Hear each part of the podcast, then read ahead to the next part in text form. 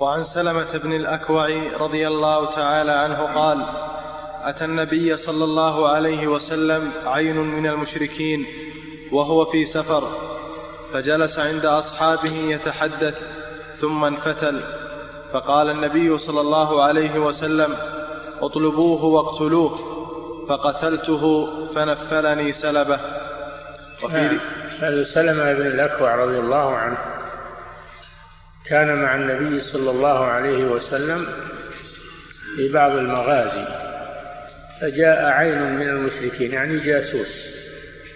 جاسوس من المشركين ليسبر أحوال المسلمين ويرجع بها إلى العدو. وسمي الجاسوس عينا لأنه ينظر بعينه ينظر قوة المسلمين واستعدادهم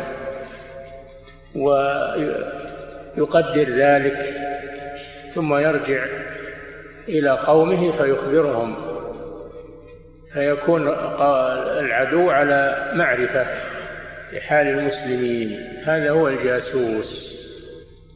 هذا إن كان حربيا فإنه يقتل. ولذلك أمر النبي صلى الله عليه وسلم بقتله. وإن كان معاهدا فإنه ينتقض عهده. إن كان الجاسوس معاهدا أو مستأمنا أو ذميا فإنه ينتقض عهده بذلك لأن هذا خيانة ينتقض عهده بذلك.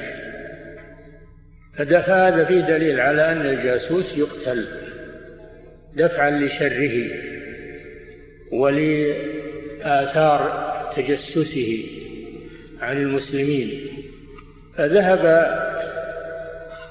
سلمة بن الأكوع رضي الله عنه يطلبه وقتله.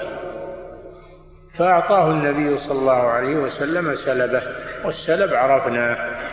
نعم. وفي رواية فقال من قتل الرجل؟